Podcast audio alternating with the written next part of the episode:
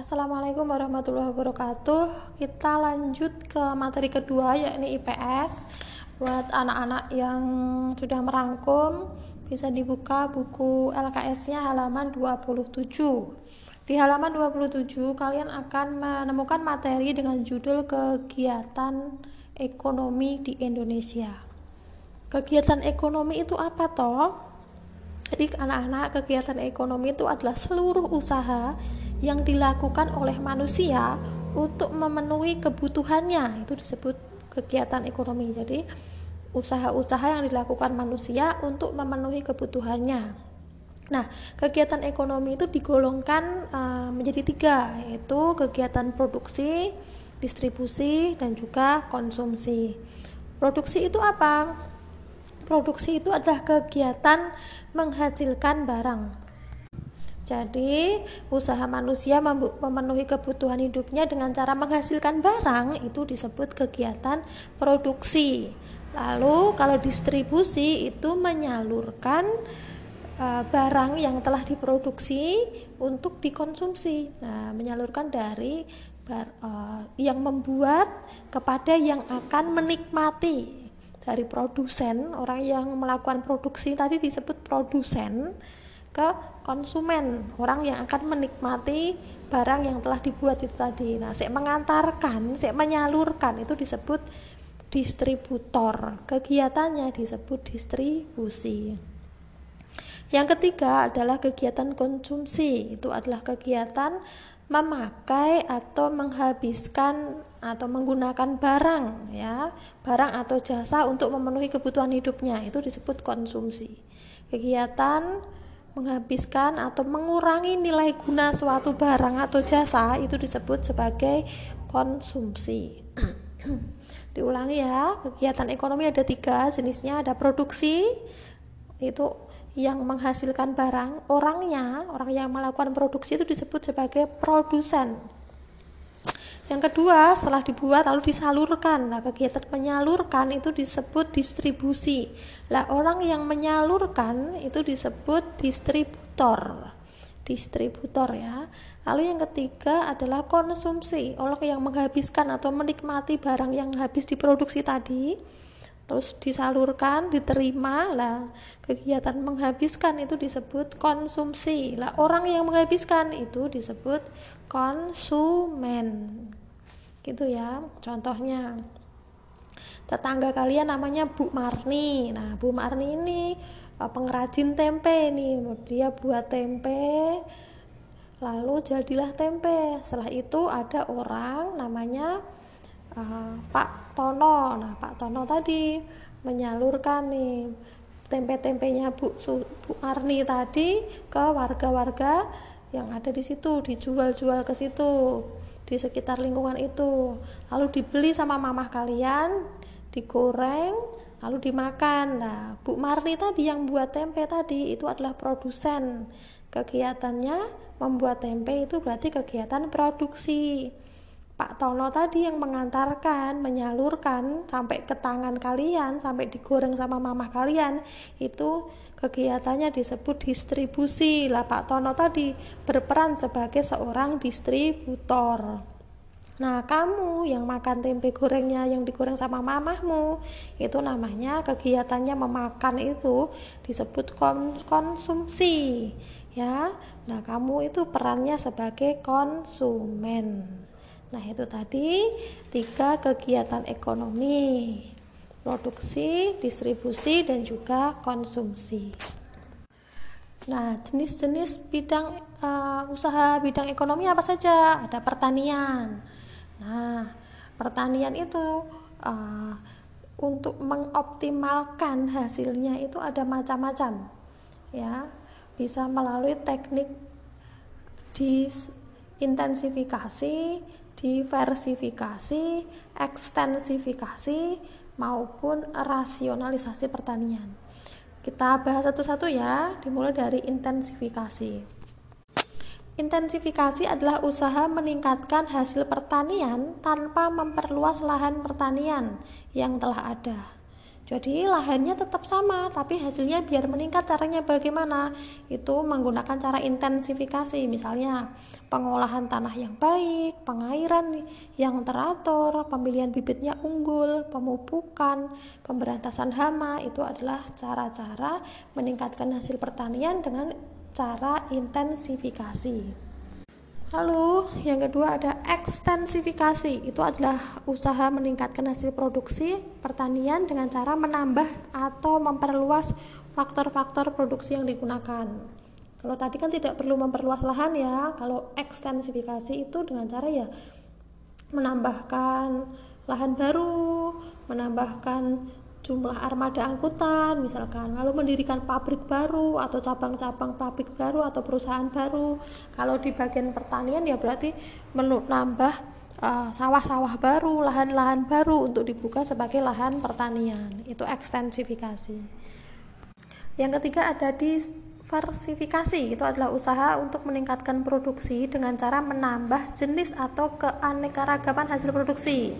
Tadi biar hasil panennya itu meningkat caranya bagaimana kalau menggunakan cara diversifikasi?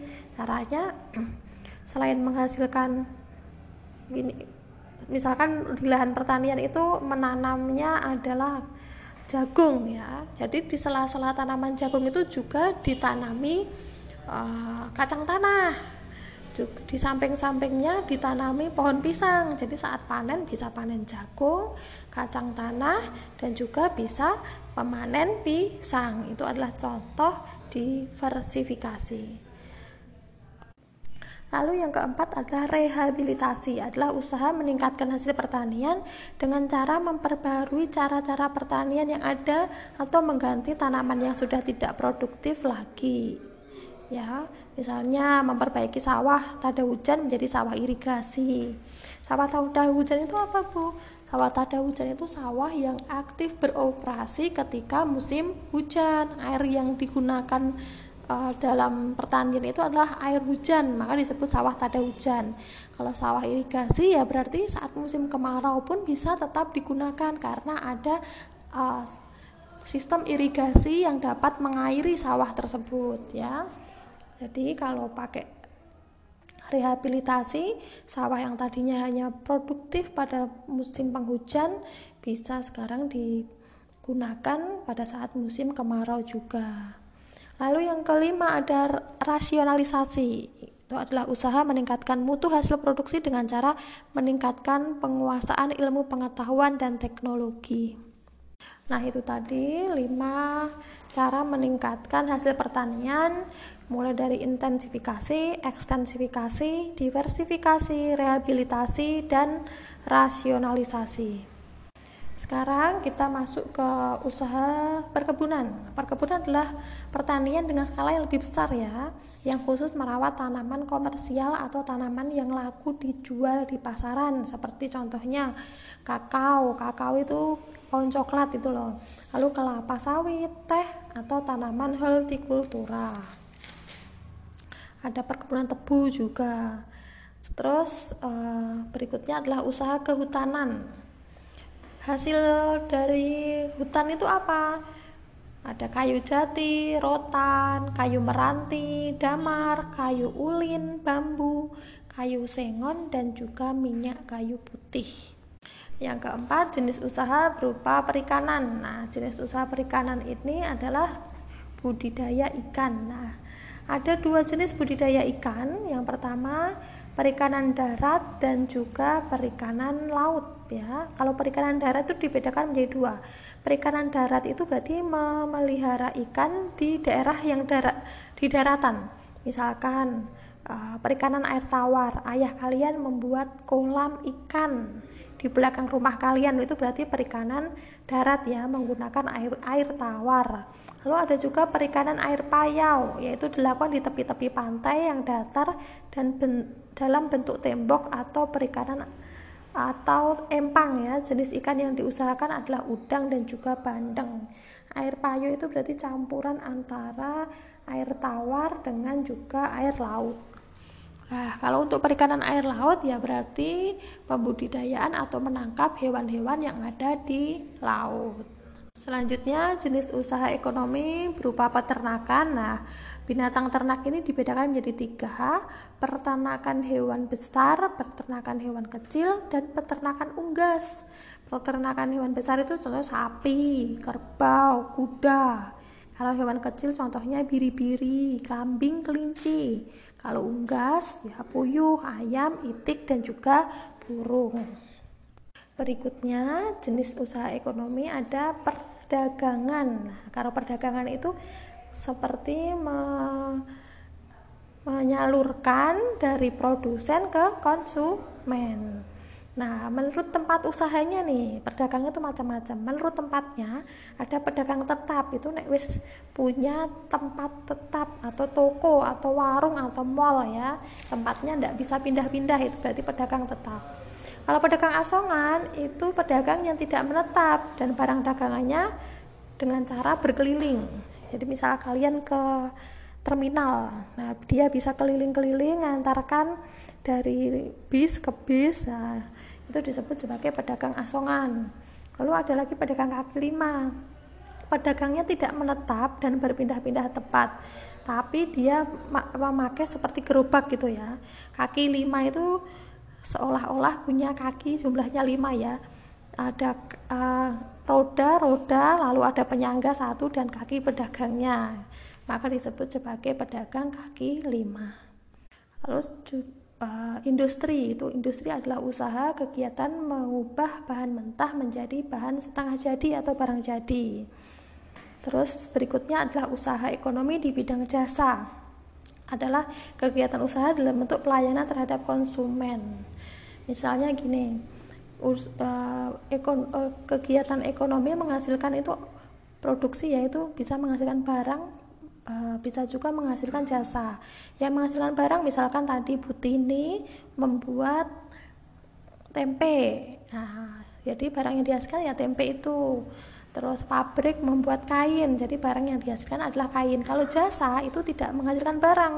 Contohnya kalian pergi ke tukang potong rambut. Nah tukang potong rambut memberikan jasa memotong rambut kalian. Tidak ada barang yang dihasilkan. Tetapi uh, dia melayani kliennya atau customernya dengan cara memotong rambut dokter itu juga usaha di bidang jasa loh Dokter tidak menghasilkan obat, tapi dokter memberikan pelayanan dengan cara apa namanya? Dengan cara mengidentifikasi ini sakitnya apa, lalu diresepkan. Nah, baru apoteker nanti yang tugasnya memberikan obat. Terus guru kayak Bu Dewi ini juga tidak menghasilkan barang, tapi memberikan pelayanan berupa jasa. Berarti Bu Dewi termasuk uh, memberikan atau melakukan kegiatan ekonomi di bidang jasa. Nah, itu tadi anak-anak pelajaran IPS hari ini. Sekian, wassalamualaikum warahmatullahi wabarakatuh.